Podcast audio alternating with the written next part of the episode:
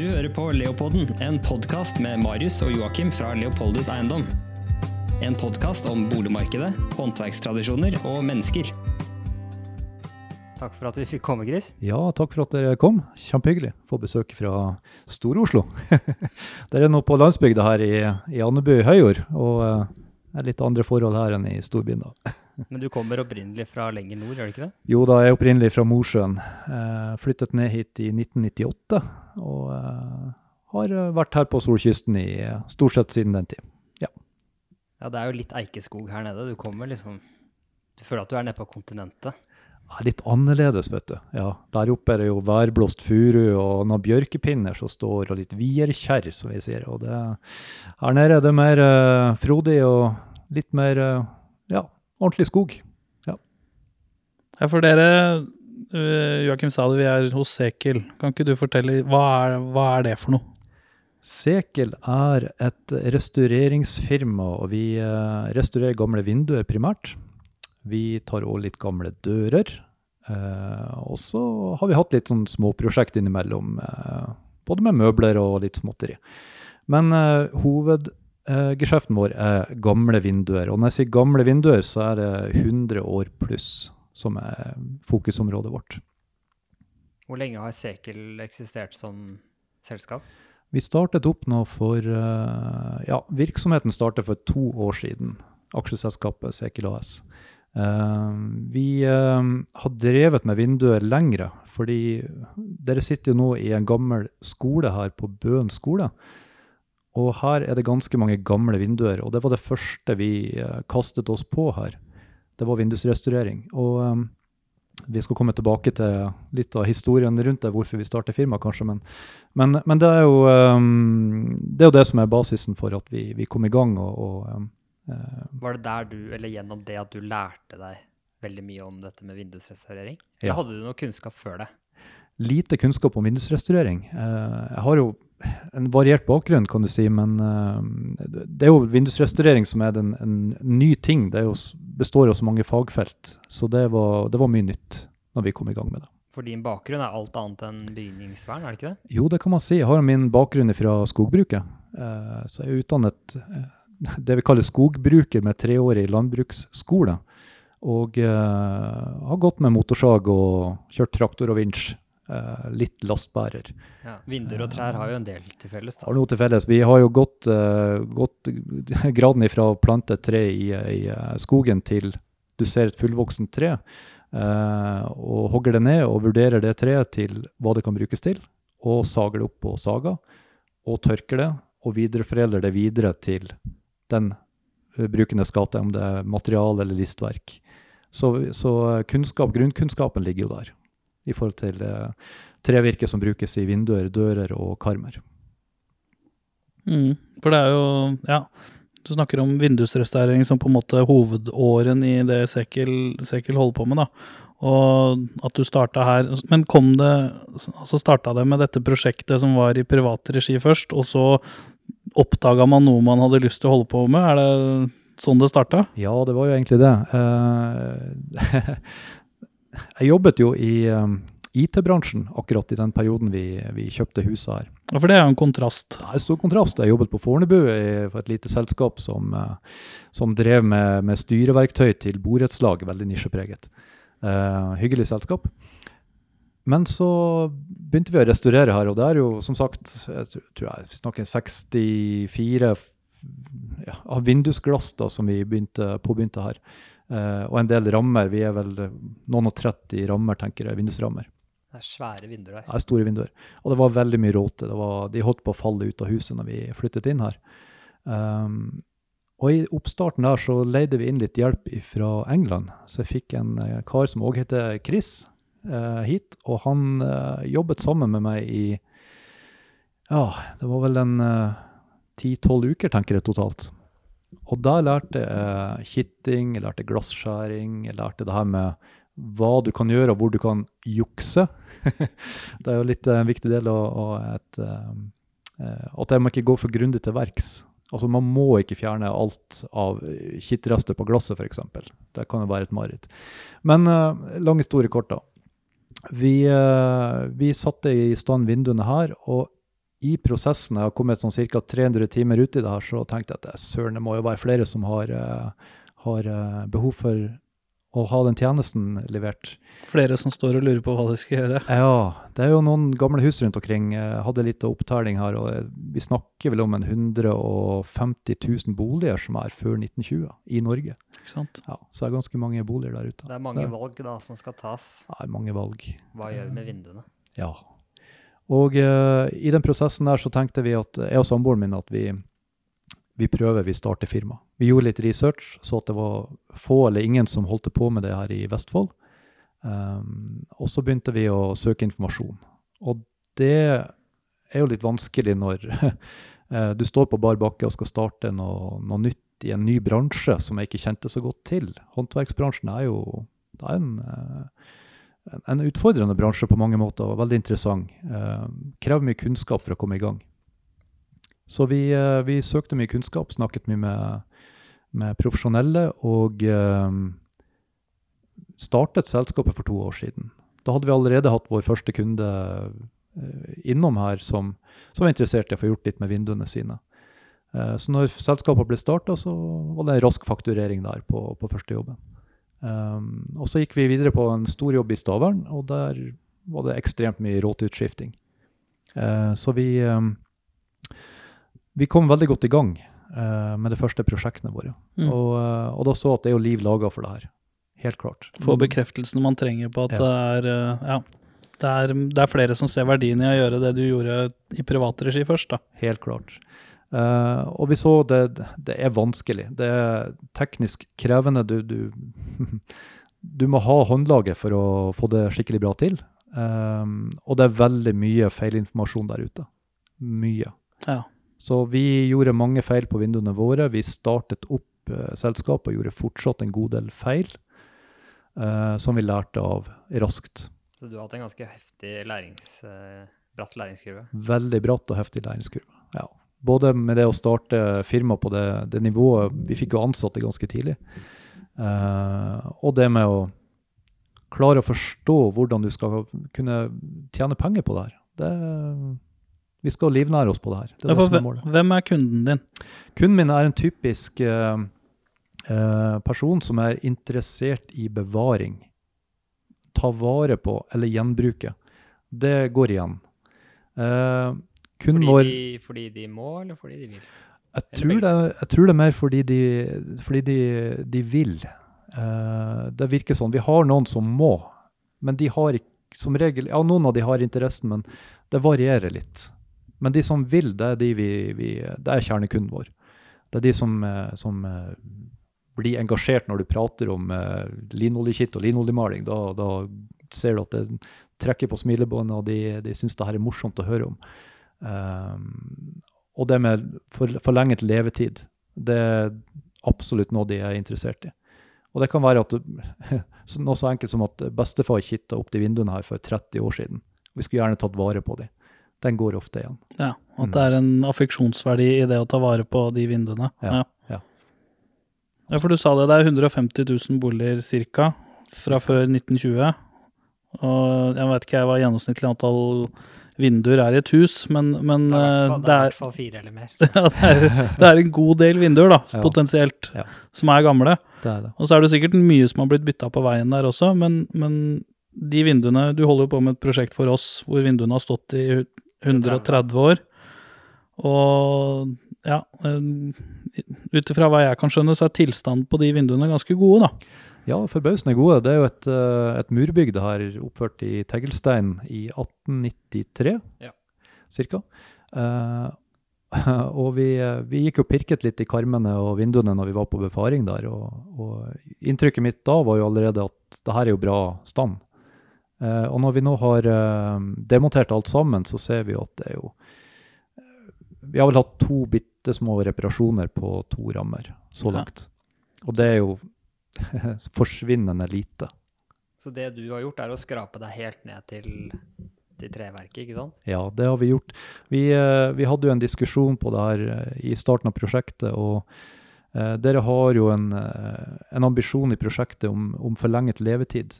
Eh, så det vi valgte å gjøre da, det var å fjerne all maling bortsett fra noen små referansepunkter som blir værende igjen, både i karm og på noen vinduer.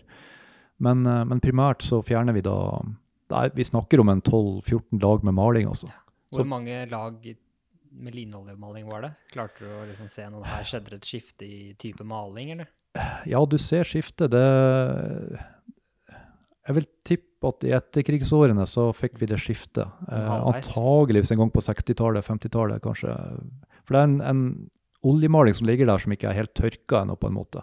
Mm. Når vi varmer på den, så blir den helt klebrig og klinete. Og det, det var en av de første oljemalingene på markedet. Den, den som var bra. Ja. som Ja. holdt det veldig lenge. Eh, men som var litt skadelig for folk, da. Så når vi, eh, vi stripper av malingen, så bruker vi jo varme. Og da må vi stå med godt ventilert rom, eh, eller ute, eller at vi har beskyttelsesutstyr på oss. For der, gassene er ikke noe særlig. Det, det ryker litt.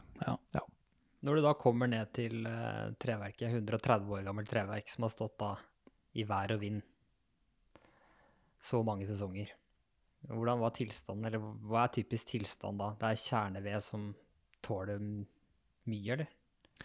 Ja, du kan si den eh, vinduene fra den epoken er jo laget av kjerneved fra furu. Og for de som ikke kjenner til det så godt, så er den, den fete delen av furua som er Vi kaller det ofte for malmfuru, eller kjerneved. Og det er en, en veldig harpiksfylt ved som tåler eh, mye fukt. Den eh, har god beskyttelse mot råte, naturlig, og den eh, den er stabil. Det vil si at den, den vrir seg lite etter han har tørket. og Det, det, er, en, det er en veldig god tresort å bruke til vinduer i Norge. Eh, Pga. klima og temperaturforandringer osv. Eh, det vi ser er at den har veldig stor motstandsdyktighet mot eh, fukt og råteskader. Og I det tilfellet her så, eh, så har de brukt kvalitetsvirke tvers gjennom hele vinduet. Alt sammen og karmer er bygd av skikkelig malmfuru. Uh, og det du kan se, det er at den, det er ganske tette årringer på, på trevirket som er brukt. Uh, og det, det er klart, det her har jo stått og blitt vått gjennom årene uh, og tørket opp igjen.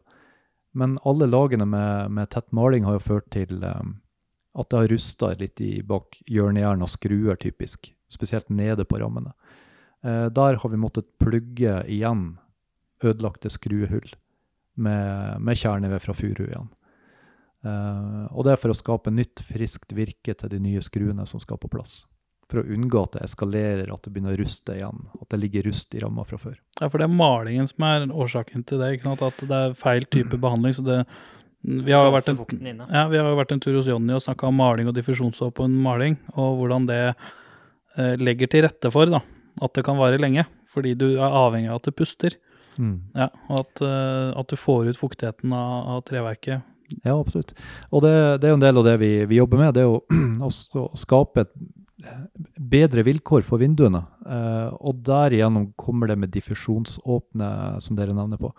Eh, hvis du tetter igjen eh, tre med, la oss si Gladpack, da, en plastfilm, og ruller det rundt og tilfører fuktighet, så kan man jo bare vente og se hva som skjer. Uh, og det er i, i prinsippet det som skjer hvis du får for mange malingslag, og spesielt med en kanskje en moderne maling som er veldig, veldig tett. Eh, så, så vil du oppnå en eh, Det funker så lenge den er helt tett, ikke sant? Ja. Med en sprekk og du får noe på baksiden, så har du Det er, det er sprekkene som er problemet, og du får Kittet sprekker opp, ikke sant, og du får vann bak kittet, og så kommer det ned i treramma. Eh, og, men samtidig så har du damptrykket innenfra i huset. Og spesielt på kjøkken og bad så kan det være ganske eh, ekstremt. Der du daglig bruker vanndamp som skal ut, og soverom. Mm. Og de plassene der er òg veldig utsatt for damptrykk innenfra, sånn at du får det Det skal jo vandre gjennom konstruksjon i gamle hus. Eh, det er jo det som er litt av, konseptet. Så, så det huset vi sitter i nå, f.eks. Fra gammelt av så var det jo laget litt sånn OK, det er litt trekkfullt, Jeg trekker litt mellom gulvplankene, og det kommer luft gjennom eh, dørsprekkene her. og men da skulle den kalde, rå lufta varmes opp i, eh, i vedovnen som eh, står sentralt i huset. Og så varmer det opp rommet, og så stiger varmen opp i konstruksjon og forsvinner gradvis opp gjennom de forskjellige lagene i huset. Og til slutt ut på kaldloftet, og der forsvinner da den varme, fuktige lufta ut av huset der oppe. Og sånn vil òg vinduene til dels fungere med at eh, varm, fuktig luft vil jo trenge ut i den konstruksjonen også, og gradvis gå ut av huset derifra. Og samme fra utsiden når det er ekstreme nedbørsmengder ute, så vil du få en litt fuktinntrenging fra utsida og innover. Men det som er viktig, da, det er at eh, du har en diffusjonsåpen eh, konstruksjon der du bruker ikke tette med, med for tette materiale, men har la oss si lindrev rundt vinduene, som er en gammel måte å isolere på. Eh, der du bruker linoljemaling som er diffusjonsåpen, dvs. Si at den slipper ut damptrykket, men forhindrer vannet å komme inn. Eh, og det med å bruke olje der det er tørt treverk, som forhindrer at kapillærkreftene i treet, altså den sukkerbiteffekten, ikke suger opp vann inn i treet videre. Ja, for du har jo strippa ned disse rammene våre nå, så snakket du om at du, skal, du setter de i olje. Er det Ja, så når rammene er helt strippet ned, så uh, senker vi de i et oljebad. Og det er jo, her er mange måter å gjøre det på, men vi fant en metode som er anbefalt gjennom uh, Vibo i Sverige. Og det er en kinesisk treolje som vi uh, senker vindusrammene ned i. Og der ligger de til de ikke trekker mer olje. Og typisk så trekker ei gammel vindusramme ca. 5 dl med olje. Er det en dag eller en time? Eller nei, vi snakker om en, eh, litt avhengig av, tilstand, men en 15 minutter kanskje. Okay. Ja, så det er ikke så, det er ikke så ekstremt. Uh, jeg vet at det er mange som bruker eh, linolje i, i, um, i den prosessen her. Hva kaller du den prosessen? Nei, Det er bare å olje rammene, rett og slett. Så da metter du hele du treverket? Du metter treverket. Mm. Mm. Og, og, fordelen med det da, det er at du, som jeg sa, du, du tar bort kapillæreffekten i treet, og så beskytter du mot fuktinntrenging senere, men samtidig oppnår du en pustende effekt. Eh, fordi de oljemolekylene, spesielt i kinesisk treolje, er veldig veldig fine. Så de vil slippe gjennom damp i fremtiden. Det er litt sånn eh, impregneringskonsept? Eller? Det er på en måte det. Det er beskyttelse mot fremtidig fukt og uh, eventuelle råteskader. Ja. Um, vi er litt uh, Ja, det er, det, er ikke, det er, ikke, alle som gjør det her på den måten vi gjør det på. Det, det kan jeg si med en gang. Vi, um, men, men, grunnen til at vi, vi gjorde det, å bruke kinesisk treolje istedenfor tradisjonell linolje, det er kanskje litt viktig å få fram for de som er fagfolk, det er at kinesisk treolje har litt finere molekyler. Den trekker litt dypere inn i treverket. Skaper litt mer dybdeeffekt. Og vi kan se at det trekker opptil to centimeter inn i vindusrammer også. Mm. Helt ekstremt. Um, og så tørker den fort. Og skaper et ekstremt bra underlag for å male videre med linoljemaling. Uh, vi strever litt med, og jeg vet flere har gjort det òg, når du tilfører la oss si kokt linolje på tre, så blir det en veldig fet overflate. Og da må du bruke en del varme for å få den til å svette ut, sånn at du får et godt feste for linoljemaling da, videre. Um, mens kinesisk treolje har eh, den effekten at den reagerer kjemisk med linolje i linoljemalinga. Og da skaper du en bindingseffekt mellom kinesisk treolje og linoljemaling. Og, eh, og, det blir som en linoljeferniss og blir en veldig sterk uh, binding der. Og så er kinesisk treolje med det vi bruker heter Jupex 45, den er litt tørrere. Så den skaper et veldig godt uh, grunnlag å male på. Mm. Så vi er veldig fornøyd med den, uh, den, metoden der. Hvor lang tid må det gå, eller kan det gå, mellom oljebehandlingen og første strøket med jeg regner med at du grunner det med Vibo? Ja, ja. det er et godt spørsmål. Vi, vi har forsket litt på det. og Anbefalingen er at vi skal male helst innen 24 timer. For da får du malt litt vått i vått, og da får du den bindingseffekten som vi snakker om. Eh, men det er ingen problem å male etter tre uker heller. Vi har prøvd det òg, og det sitter godt. Ingen problem. Og det, det vi ser, er effekten at eh, Hvorfor vi gjør det sånn, det er at når du henger opp et vindu i solveggen, og det blir kanskje 50 grader i solveggen, så begynner gjerne kokt linolje å svette litt ifra treet. Og da kan du få at uh, den effekten at linoljemalinga slipper taket i, uh, i vindusramma di. Mm. Uh, og det vil man jo helst ikke oppnå. mens kinesisk treolje den blir stabil. Den svetter ikke. Så det er òg en, en, bieffekt av det. Um, færre problemer. mm. det liker vi. Ja. har, etter at du hadde oljet og begynt å male, fortell oss om veien videre til mål. Så etter at vi har oljet rammene, så um, ønsker vi gjerne å montere metall på rammene. Dvs. Si hjørnejern og eh, hengsler. Ja, vi så jo på de i stad, og de så jo helt fantastiske ut. Du Ja. var jo ja, de var jo, Hvor mange lag maling var det ikke på de? Det var sånn at vi så, vi så ikke dråpen på hengselen. Det er jo pene hengsler, det her. Vi, eh, vi har ikke hatt de på verkstedet før, men vi har en foran oss på bordet her nå. Eh, og det, det ligner, ligner på den som heter flaggstangknopp, men det er litt mer uh, preg på den her. Veldig, veldig vakker. Um, så den, den typen her, den uh, Det var en del rust på de, og veldig mange lag med maling. Og det vi gjør, vi legger de i et organisk eddikbad. Uh, Ca. 6% eddikoppløsning. Så lar vi de ligge der i tre til fire dager, og så ser vi an om rustet begynner å slippe taket. Eh, og så skraper vi de bare med en eh, gammel, dårlig tollekniv, og eh, tar de, nøytraliserer de i et vannbad. Og tørker de, og så begynner vi å pusse på de med en benkpusser med stålbørste på. Og det er hele prosessen. Da er de helt blanke, akkurat som de kommer fra fabrikken igjen. Ja, De ser jo helt nye ut. Mm. De er 120 år. Ja, det er ganske vilt. Og hva er levetiden på disse videre nå? Nei, vi, eh, etter videre behandling nå, så vi eh, anbefaler å ta en tradisjonell linoljebrenning på de, da vi varmer opp eh, hengsler, hjørnejern og hasper til en ganske høy temperatur. De er nesten rødglødende.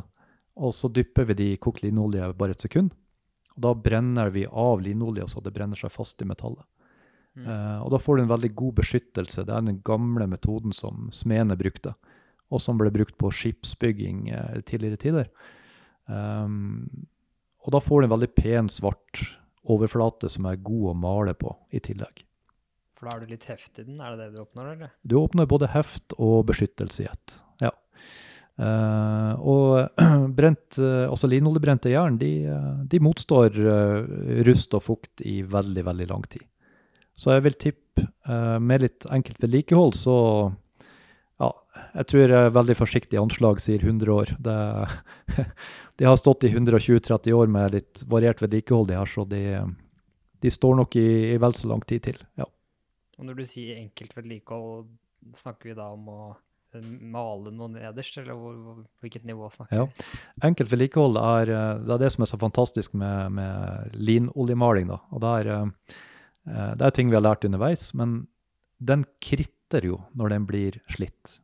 Og den slites ned av vær og vind, så det blir en fysisk tynnere eh, malingsfilm på, på malinga når, eh, etter noen år. Eh, og den fornyes bare med et nytt toppstrøk. Enkelt og greit. Så det er ingen skraping involvert. Du kan vaske den med nøytralt vaskemiddel, men det, det er hele vedlikeholdet. Kun fornye toppstrøk På hele vindusrammen? på hele vindusrammen. Stål, metall, alt av eh, treverk, kittfals. Bare et strøk, fornye det, så er du good to go. Mange Hvor, år til. hvor ofte da, i det hundreårsperspektivet? Det kommer veldig an på uh, hvor boligen er plassert, og retningen på huset. Jeg sier at det er nordvendt, da. Nordvendt er ofte litt fuktproblematikk og kan være litt tøft enkelte steder. Så eh, la oss si at hvert eh, åttende år så må dere regne med å kanskje gjøre noen tiltak. Ja, cirka det. Kommer, det kommer an på, som sagt, hvor, hvor du ligger. Ligger det på Røros, så jeg tror ikke du trenger å gjøre det på 20-30 år. Men, eh, men eh, ned, ned ved sjøen så må du hyppigere male over litt, ja. Det slites mer her nede. Mm. Mm. Men da holder du med 100 år til. Da holder det 100 år til. Mm. Ja, Eller det er grunnlaget for 100 år til. Ja, det er det, fordi at uh, det er det sekel er egentlig også tuftet på. Sekel betyr jo århundre. Og uh, det spiller litt på det med at når vi har gjort en restaurering hos oss, så ønsker jo vi at, eh, at det vinduet skal vare i 100 år til, i hvert fall. Eh, og det er en del av grunntanken vår med å gjøre de tiltakene vi gjør da. Med, med at vi, vi går ganske grundig til verks. Vi stripper ting helt ned. Vi, eh, vi eh, oljebehandler og grunnbehandler og gjør grunnarbeidet skikkelig, sånn at det ikke skal eskalere i fremtiden. Og det går på alt fra minste detalj, fra skruer til, til ytterbehandling og hvordan det, det er når vi er ferdige. Type kitt vi bruker, det er, ja, det er mange ting som spiller inn. Hvis vi skal sammenligne dette med et moderne vindu i dag, da. Hva er leve, levetid på et uh, gjennomsnittlig moderne vindu i dag, som er vedlikeholdsfritt sådan, da? Ja, Eller såkalt vedlikeholdsfritt. Ja. jeg tror vi uh, Anbefalingen ligger vel på 25 års levetid. Hvis du leser en, en rapport uh, og skal kjøpe deg et hus, så er det 25 år. Og Det betyr at du må bytte ut det vinduet fire ganger, eh, kontra det vinduet vi restaurerer nå, som kanskje varer i 100 år til, pluss, pluss. Ja. Ja, det er fire generasjoner ja, er fire, fire generasjoner, ja. kontra hver generasjon. Men vi har jo vært på befaringer der vi ser at vinduet lever kanskje bare i 15 år, Ja. eh, og knapt det. Eh, og vi, vi bor jo i Vestfold, og jeg har vært en del på Nøtterøy og hatt en del befaringer der. Eh, et hus jeg var på, det hadde 12 år gamle vindu, der eh, 42 vindu var råtten. Ja. 12 år. Så det er litt av en kostnad. Hvis du må gjøre det hvert tolvte år, så Da er det bedre å male et toppstrøk hvert åttende, tenker jeg. Jeg tror det. Da velger jeg det i stedet for å få en snekker på besøk som skal bytte vinduene og bestille vinduene og ja, hele Altså den, den vedlikeholdssyklusen der hvert 25. år, da, Mm. hvis man tar det det- i snitt. Det er jo et mye vakrere vindu òg, da. Ja, ikke altså minst. De profilene og de detaljene som du har på gamle vinduer. Ja, vi ser jo det fra på, en annen tid. på vinduene fra Tostrup også, så ser vi jo veldig det med profilene, hvordan de slipper inn lyset på en helt annen måte enn de moderne vinduene vil gjøre. Og det er jo det med de gamle vindusmakerne som, som lagde de profilerte innsiden av vinduene. Det er jo kun for at lyset skal slippe bedre inn. De hadde jo ikke mye lys i husene i gamle dager, og det var store vindusflater på, på hus som hadde, der det hadde kostet på huset litt, så var det mye vindu. Ja, det er som her. Um, Man trengte mye lys. Det, Her var jo skole, her måtte de ha mye lys. Eh, det var ikke så mye elektrisk lys. Nei, i det 1890, gjaldt. 1892, når det ble bygd, så, så hadde de nok ikke all verden til uh, lyssetting her inne. Så det var klart de var avhengig av at uh, elevene skulle se hva de drev med. Mm. Um, Det det er jo mange som må ta dette valget, hva gjør med de gamle vinduene? Og så er det dessverre mange som tenker at det, det er fint å få nye vinduer, og det, det funker bra, og er fint og alt sånn. Det er så mange som kanskje ikke vet om at det går an å ta vare på de gamle. det er nok det. Som tenker Um, at det er, løpet er kjørt. ja.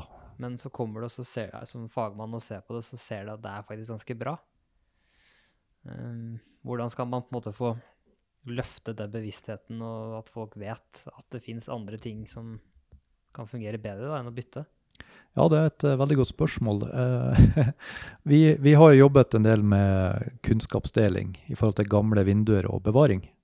Og vi, uh, vi prøver jo å fortelle folk at det å bevare og gjenbruke har jo for det første et klimamessig og miljømessig gevinst. Det andre er jo at du tar vare på historien til huset hvis du bevarer. Og det er òg et veldig sterkt poeng for mange. Uh, og det siste er jo en bekymring ofte som folk har. Men de gamle vinduene er jo så kalde. De slipper jo gjennom eh, kulde på vinteren. Det, trekker, og det er eh, litt, litt trist.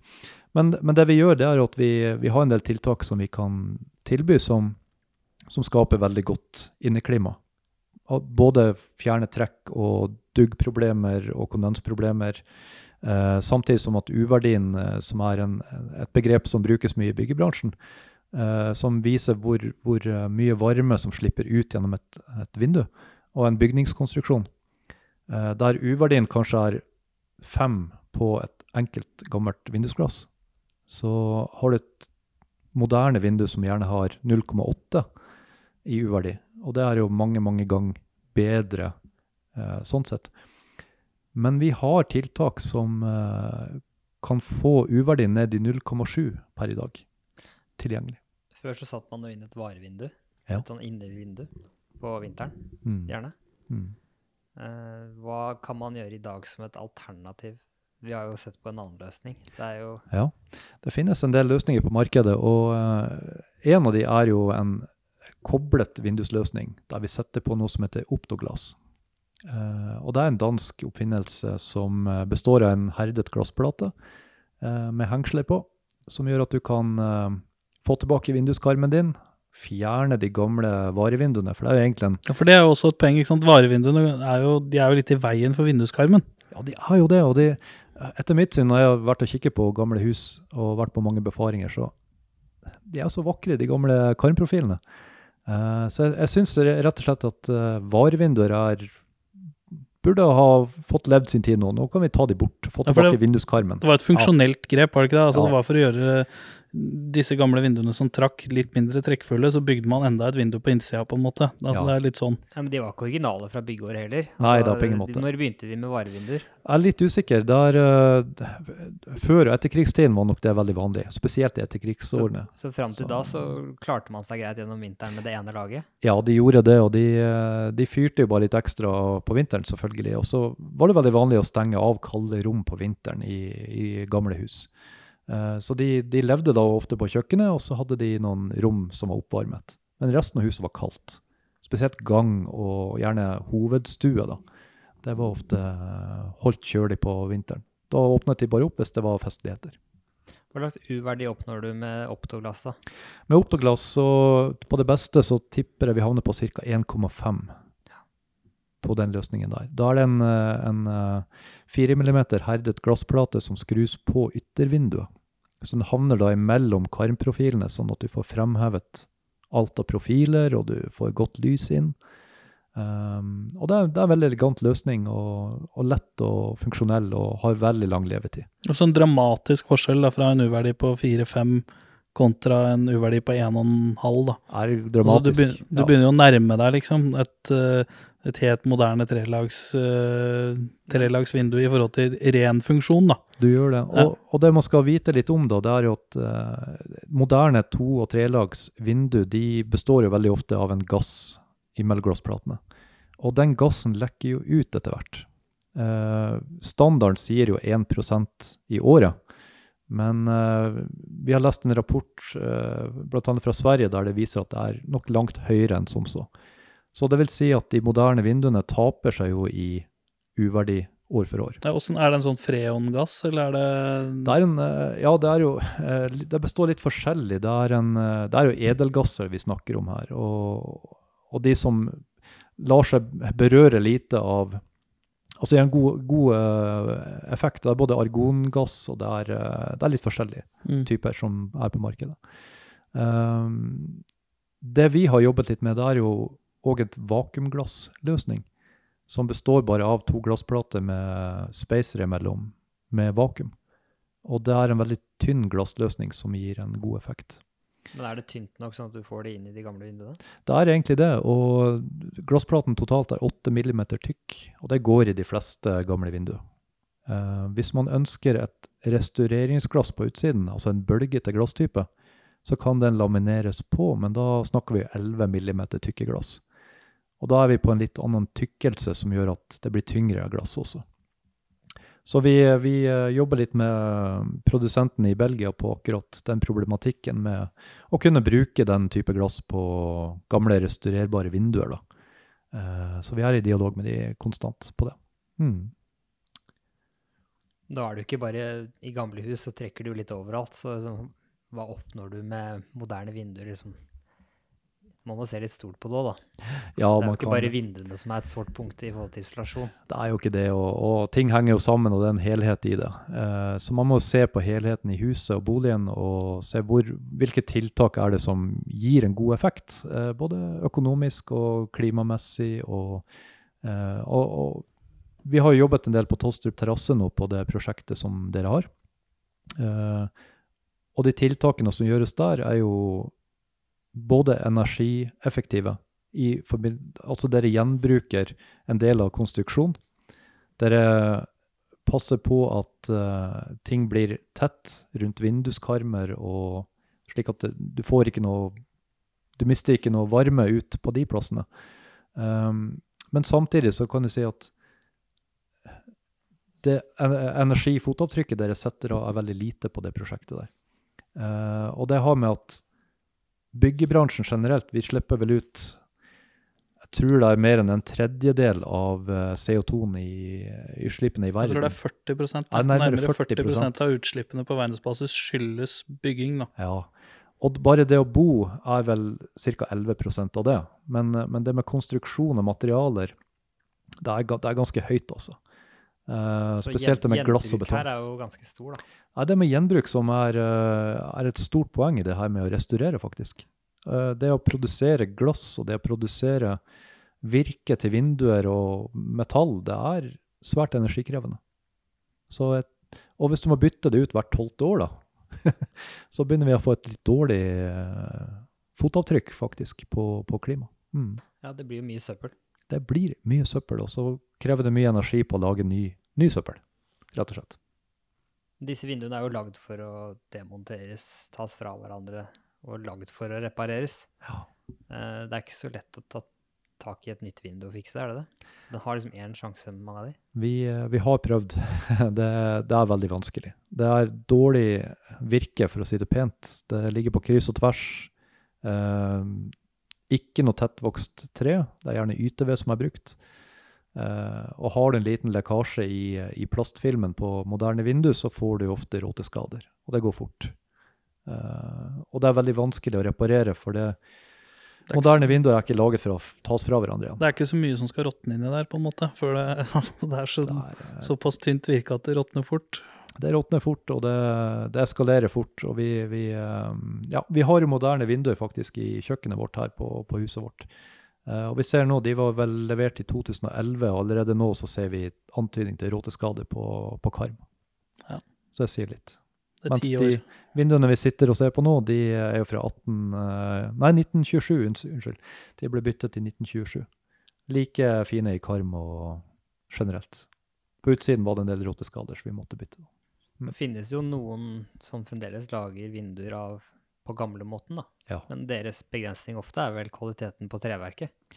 Det er jo ofte det å få tak i riktig virke er jo alfa og omega her. Det er eh, Du kan liksom ikke få, få det beste av to verdener med å prøve å bruke billig virke som er eh, limskjøtt i, i kantene, og få det til å fungere som et, et bærekraftig, langsiktig hundreårsvindu. Det er veldig vanskelig å få til. Er tilstanden på glassene stort sett bra, eller må du bytte ut mye av de?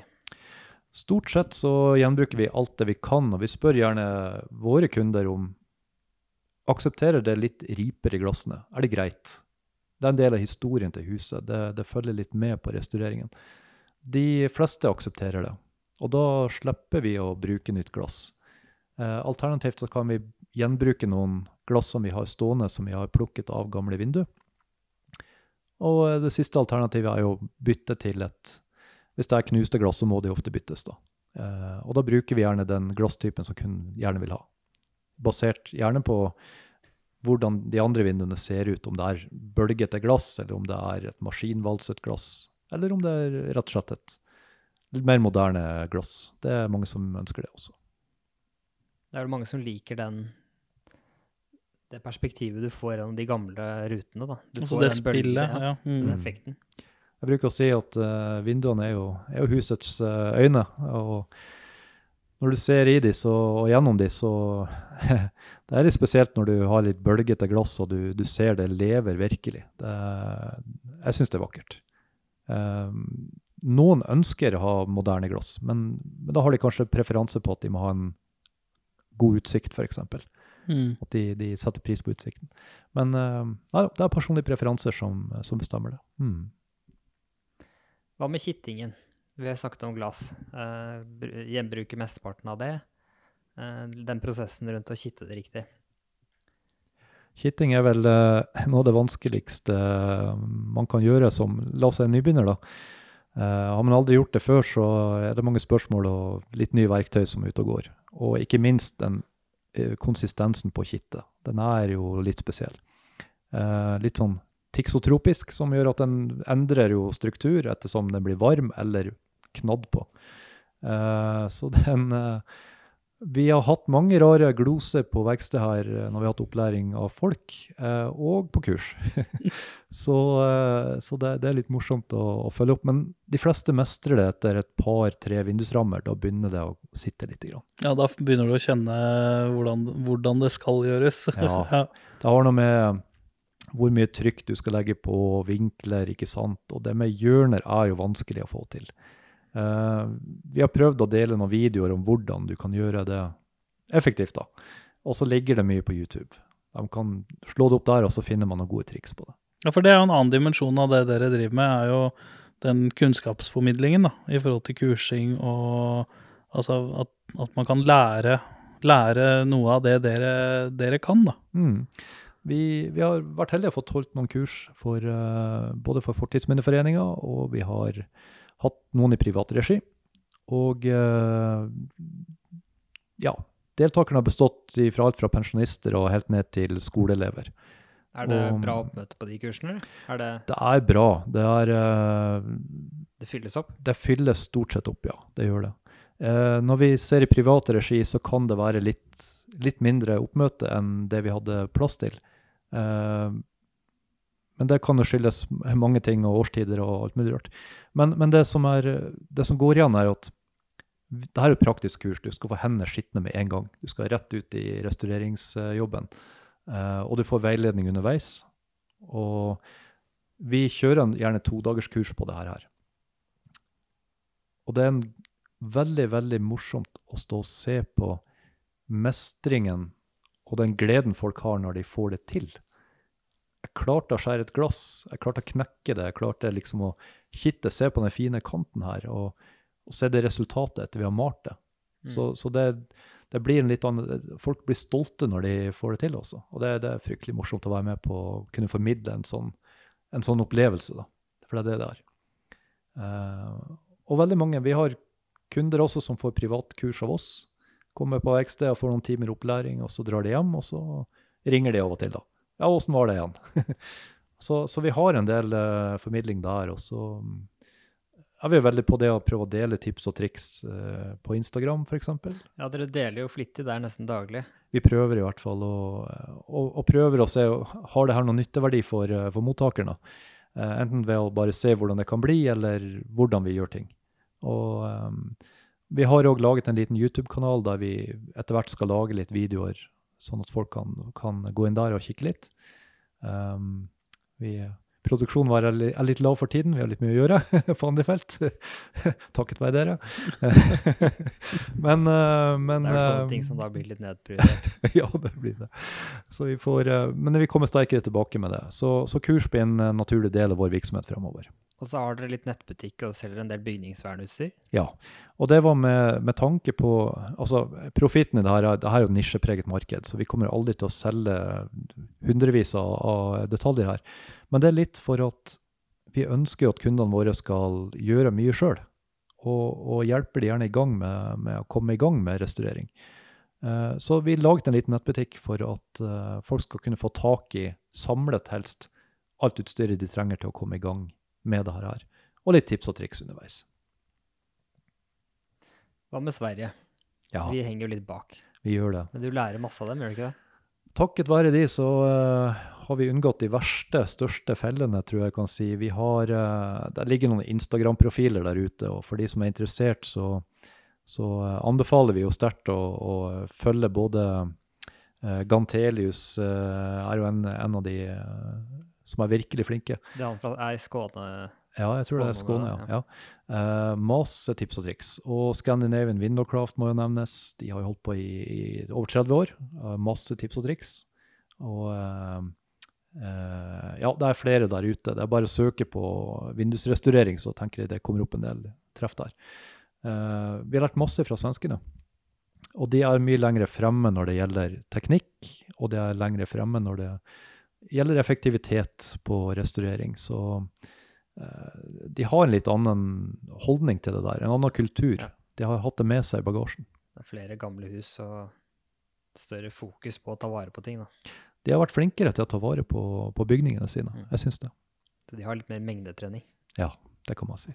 Og det er veldig populært i Sverige. Vindusrestaurering har en egen dag i Sverige, blant annet. Så vi pleier å feire her på bruket hos oss sammen med de når det er uh, fønsterrenoveringens dag. Så det um, Men det popper jo opp noen andre kriser òg, da. Ja. Du er ikke helt alene om dette her? Ikke helt alene. Det er noen ildsjeler der ute, og, og vi, um, vi, begynner å bli litt kjent med dem. Vi har jo uh, blant annet Brian, som, uh, Brian West, som jobber hos dere uh, på prosjektet Tostrup. han har vi god kontakt med. Han har vært på kurs hos oss en gang, det var vel i fjor. For han driver mye med dører? Han driver med dører, mm. ja. Men eh, han har jo veldig lyst til å drive med vinduer også, så eh, han kommer nok sterkere på banen der, tenker jeg. Og så eh, har vi en del små håndverkere som vi har knyttet oss til. Det er folk fra Hønefoss og ned til Arendal. Så vi har litt håndknippe med gode folk som kan restaurere vinduer. Og gjøre det skikkelig bra. Det er ordentlig flinke folk. Ja, Framtiden er veldig avhengig av at dere fortsetter å prøve og feile og finner ut av det. Ja, Og at ikke minst kundene kommer tilbake og det kan man si. Jeg tror jo, altså, Hvis man snakker om det med kunnskapsformidling og, og deling videre, så tror jeg det, det å kunne komme ut til ungdom og til skoler hadde vært fornuftig. Det å kunne vise og få, la de få prøve litt. Grann. Um, ta det med seg i bagasjen litt videre, for noen av de kommer til å kjøpe seg et gammelt hus. Og kanskje de husker den rare karen som sto der og prøvde å vise dem hvordan det kittet skulle eh, legges på et vindu. De vet at det er et Altså, opplevelsen er jo at mange tenker at gamle vinduer må kastes fordi de er gamle. Altså, det er en, en forutinntatt greie om at gamle vinduer må kastes og byttes med nye vinduer. Og bare de er gamle nok, så må de ikke det. Det er litt sånn. Altså, det Har du 40 år gamle vinduer som, som har, har ryket, så er det verre enn hvis du har 80 eller 100 år gamle vinduer, da. Helt klart. Nei, så det, det, det med holdningsendring, det tror jeg er viktig, og det, vi er nok på vei dit. Vi, vi har, altså De fleste har hørt om det klimamålet til FN. Det er tusenårsmålet der vi skal redusere på klimagassutslipp. Vi skal skape bærekraft. Og de har jo, hvis jeg ikke husker feil, så tror jeg ti forskjellige målsettinger de har satt i FN. Og, og tre av de går direkte på det med restaurering og bygningsvern. Det med gjenbruk av hus. Eh, og vi kan òg vise til den rapporten fra Sintef på eh, bestilling fra Riksantikvaren. som 'Grønt er ikke bare en farge', heter den. Eh, den forteller jo òg om at hvis vi skal klare å nå klimamålene våre innen rimelig tid, så er vi, vi, vi ikke bare bør, men vi må gjenbruke bygningsmassen i Norge. Vi snakket jo litt med Jørn om det på Gamle trehus i forrige episode. Om eh, reparasjon og ja, redusert MVA, eller Det er jo så mange ting man kan gjøre, da. Sånn som i Sverige med reparasjon. Mm. Kjempetiltak i Sverige. De har virkelig skjønt det for å få insentivet til å, at flere skal gjøre jobben og restaurere. Ja, så blir det et sånt, det blir et poeng, da. Det blir et poeng at, du, at det er det ikke moms på, det blir det masse snakk om, og da kanskje flere tenker hm, det er jo en mulighet. Mm. Ja, det er jo elbilopplegg på Ja, det er litt samme, samme ja. Ja, ja, det burde Vi absolutt må ha vært like gjort i mye elbiler eller like mange Teslaer som restaurerte vinduer, tenker jeg, Ja. i Oslo. ja. Da har vi kommet langt. Da har vi kommet langt. Da har vi hatt mye å gjøre. Ja, men, da, men da kan det være mange som kan leve og ha fine jobber, tenker jeg. Ja, jeg tror det. Mm. Vi, vi ser jo på det at uh, Altså, de som sitter med, med pengesekken og La oss ta Ku- Ku- Kulturminnefondet som et eh, eksempel. Eh, der ei krone sponset av de genererer tre kroner tilbake til statskassa igjen, i form av inntekter og i form av eh, skatt og i form av moms, i form av alt det her. Så, så regnestykket er veldig positivt hvis, du, hvis staten er med på å, å spytte inn noen kroner i en restaureringsjobb, enten ved å subsidiere moms eller ved å subsidiere selve jobben. Eh, og det, jeg forsto sånn at de har hatt rekordmange søknader i år. Og det er ikke bare vinduer, det her gjelder jo generelt gamle hus og tiltak. Og det er jo veldig hyggelig å se at folk faktisk vil ta vare på. uh, og bruke energi og bruke tid.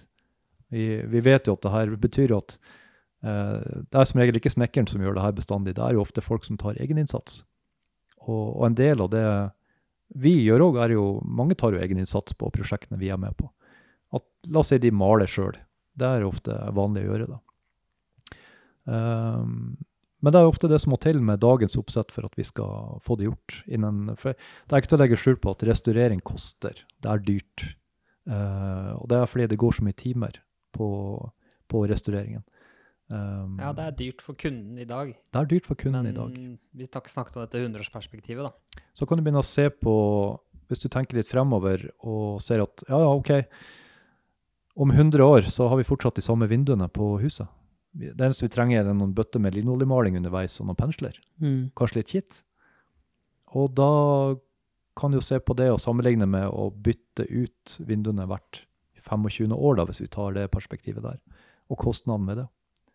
Uh, så tror jeg det blir et helt annet regnestykke. Men det er jo ofte det med langsiktig tenking som Det er kostnaden i dag eller kostnaden over levetiden. Altså hva er det du forholder deg til, da. Mm. Og det er, eh, hvis du, sier, hvis du skal regne det ut og si at eh, vinduene koster deg 1000 kroner i året, så ja, eller koster de deg 2500 kroner i året fordi du må bytte de om 25 år.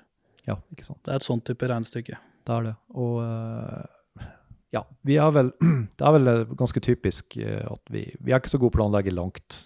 Veldig mange tenker kortsiktig, og jeg tror faktisk at eh, Ja. Det er jo hele utfordringen med klimaet vi står i i dag, at man ikke det det. tenker langsiktig. det er Det er der det ligger. Jeg tror, jeg tror ikke jeg skal gå inn på, på TEK17 og nye tech-forordninger, men uh, vi, Vi vi går ikke dit. Vi lar det ligge. men, uh, men det er i hvert fall én ting som er helt sikkert, og det er at disse husene, som, husene og byggene som ble bygd for 100-150-200 år siden, de står nå fortsatt i dag. Så de gjorde et eller annet riktig når de bygde de, da. Ja. Og det var ikke bare økonomi, det var en stolthet i faget, og det var kunnskap om alt fra, fra skogeieren til sagbruket til tømreren til vindusmakeren. Altså, det var hele rekka, da. Kanskje kunde også som visste hva han ville ha. Ja, ikke sant. Det er jo ikke bare økonomi det handler om, det Nei. handler om håndverkstradisjon, det handler om kunnskapsformidling, bevaring Ja. og Så, videre. så det- det er jo så mye mer enn dette ene regnestykket og hva, hva er dyrest. Så- Det er dyrt, det er ganske dyrt å miste all denne kunnskapen òg. Ja, det er det. Det har en pris, det òg. Ja, som, så ikke blir- som ikke kommer i noen av disse regnestykkene vi snakker om. Mm, og så har det jo en stor verdi at, at tingene dine hører hjemme der hvor de er. da. Altså At de, har en, de får en identitet ved å ha vært et sted over tid. Ja, du snakket om den Mm. vinkelen på midtposten som Jeg regner med at det er midtposten du snakket om da, eller? I forhold til lysinnslipp og Ja, du kan si, hvis dere ser på et vindu som, som vi har her i stua nå, så kan jeg prøve å beskrive litt. Eh, så er jo den ramma der glasset sitter i, den er ganske tynn. Den er smal, den er ca. 45 mm til 55 mm i standardmål. Men så har den en skråskjæring på innsida med profiler. Og de er jo designa nøyaktig for at de skal slippe inn mest mulig lys. Og det samme med karmprofilene følger jo gjerne samme prinsippet. Så jo smalere karmprofil, jo mer hadde de tenkt på at her skal det komme lys inn fra alle vinkler. Og hvis du prøver å sette inn et moderne produsert vindu i, i, uh, i et sånn, sånn åpning, så vil du miste den effekten. For de er gjerne mer firkantede eller flate. Det er noe med mer avrunda profiler, det er litt tykkere rammer, og hvis du har sprosser i tillegg, da, så er de ofte veldig tjukke. Så det blir mindre lys inne. Rett og slett mindre lys inne. Og så må du bytte de om 25 år. Kanskje. kanskje. Uh, nei da, men det er, eh, det er noe med den kunnskapen som, eh, som jeg tror industrien ikke har klart å fange opp. Og det er jo eh, det, er det med lysinnslipp, og du har det med estetikken på huset. Eh, vi fikk jo husmorvindu på 70-80-tallet. Da kom jo de inn for fullt. Og for å være helt ærlig, det er ikke noe pene vindu. De, de har ikke noe gyllent snitt. Du har ikke noe mens du ser på de gamle vinduene, så er de slanke og høye og har gjerne en god proporsjon i forhold til huset de står på. Ehm, og det verste jeg ser da ofte, det er jo at folk bytter til en vindustype som ikke passer med den opprinnelige. Det henger ikke sammen med arkitekturen. ikke sant? Passer ikke med arkitekturen. Det er, eh, det er litt uh, kjedelig. Uh, og så ser vi også på Vi kjører mye rundt omkring og, og ser på bygårder i Oslo rundt omkring, og der veldig mange bytter til, til moderne vinduer. Også det er tro kopi av det gamle. Nesten. Men du ser det fra utsiden. I hvert fall vi som er liksom i gamet, vi, vi legger fort merke til det. Hva er det du spotter først? Det er, eh, det er formen på vinduene. Det er, det er noe feil. det, er, det er for tjukke rammer. Og så er det noe med Spesielt hvis det er sprosser involvert. Altfor tjukke sprosser. Eh, og så er gjerne hjørnejernet en litt sånn tykk, klumpete type, hvis det er hjørnejern i det hele tatt. Og metallbeslag. Veldig ofte. Og eh, fra gammelt av så hadde de jo ikke metallbeslag på utsiden. Det var jo skikkelig Den beste kjerneveden fra furua, fra rotstokken, det var jo dryppneset. Og det var liksom eh, Det holder jo i her På det huset her så hadde det sikkert stått originalt nå siden 1892. Jeg kan ikke se at de har vært bytta noen gang. Og det er like fine. Det er litt sprekker i det, og så er det bare å kline på litt maling, og så er det like bra igjen. Så er det vel litt med bunnkarmen også, i forhold til om den er inntrukket og Ja, med uttrykket. absolutt. Eh, så du kan si jo, jo eh, eh, gamle, legg merke til gamle hus, på, spesielt på taket. Vi kan begynne på taket. Det, det stikker mye lengre ut. Utstikket er ofte 30-40, kanskje 50 cm. Mens på moderne hus har du mye mindre utstikk på taket. Og bare der begynner du å få det med vannproblematikken inn. Droppa Um, faller nærmere veggen. Ja, så du får mer fukt på moderne hus, ofte. Så det blir, det blir kortere vei for vannet å transporteres inn til vinduene. Eh, på gamle vinduer så hadde jo profiler og dryppneser og losholter som var bygd for at vannet skulle nettopp transporteres forbi problemområdene på vinduene. Og spesielt losholtvinduet er ganske genialt, der du har den, den midterste tverrliggende karmen som skiller øvre og nedre vindu. På utsiden så ligger det en dryppnese med en frest profil på undersiden. Ja, at dråpen faller lenger ut. Dråpen faller ut fra huset og ut ifra vinduene. Så jeg kommer ikke inn på noen måte. Det skal være ganske ekstremt vær for at det skal komme inn i vinduet. Det er ikke bare en fin detalj, det er også en funksjon. Funksjonelt og pent, rett og slett. Og det finner du jo ikke på moderne vindu i dag. Det eksisterer jo ikke. Jeg har ikke sett det, i hvert fall. Tanke bak alt. Ja. Og så har vi jo det med Når vi først er inne på det med, med gamle vinduer, så, så kan du òg si at eh, den funksjonaliteten de har, eh, med måten de er laget på, med den enkelheten i konstruksjon, er veldig lite vedlikehold. Det skal så lite til for at det skal holde og vare og Ja. Etter mitt syn så, så, eh, så er i hvert fall det her vinduer som er verdt å ta vare på med enkle tiltak og få, få midler, så klarer man å få en veldig OK inneklima også i et gammelt hus. Så det er vel um, Det er mitt syn på det. Ja. Da lurer jeg på vi skal runde av på en pen måte, Marius. Ja. Takk for uh, samtalen. Hyggelig besøk. Tusen takk for at jeg fikk være med. Så eh, gleder vi oss til å lukke vinduene når de kommer. Ja, Det blir spennende. Nå skal vi uh, gyve på på verkstedet her, få oljeolje litt, og så blir det kitting og maling, og så er de klare. Hyggelig at vi fikk komme. Takk for meg. Du hører på Leopolden, en podkast med Marius og Joakim fra Leopoldus Eiendom. En podkast om boligmarkedet, håndverkstradisjoner og mennesker.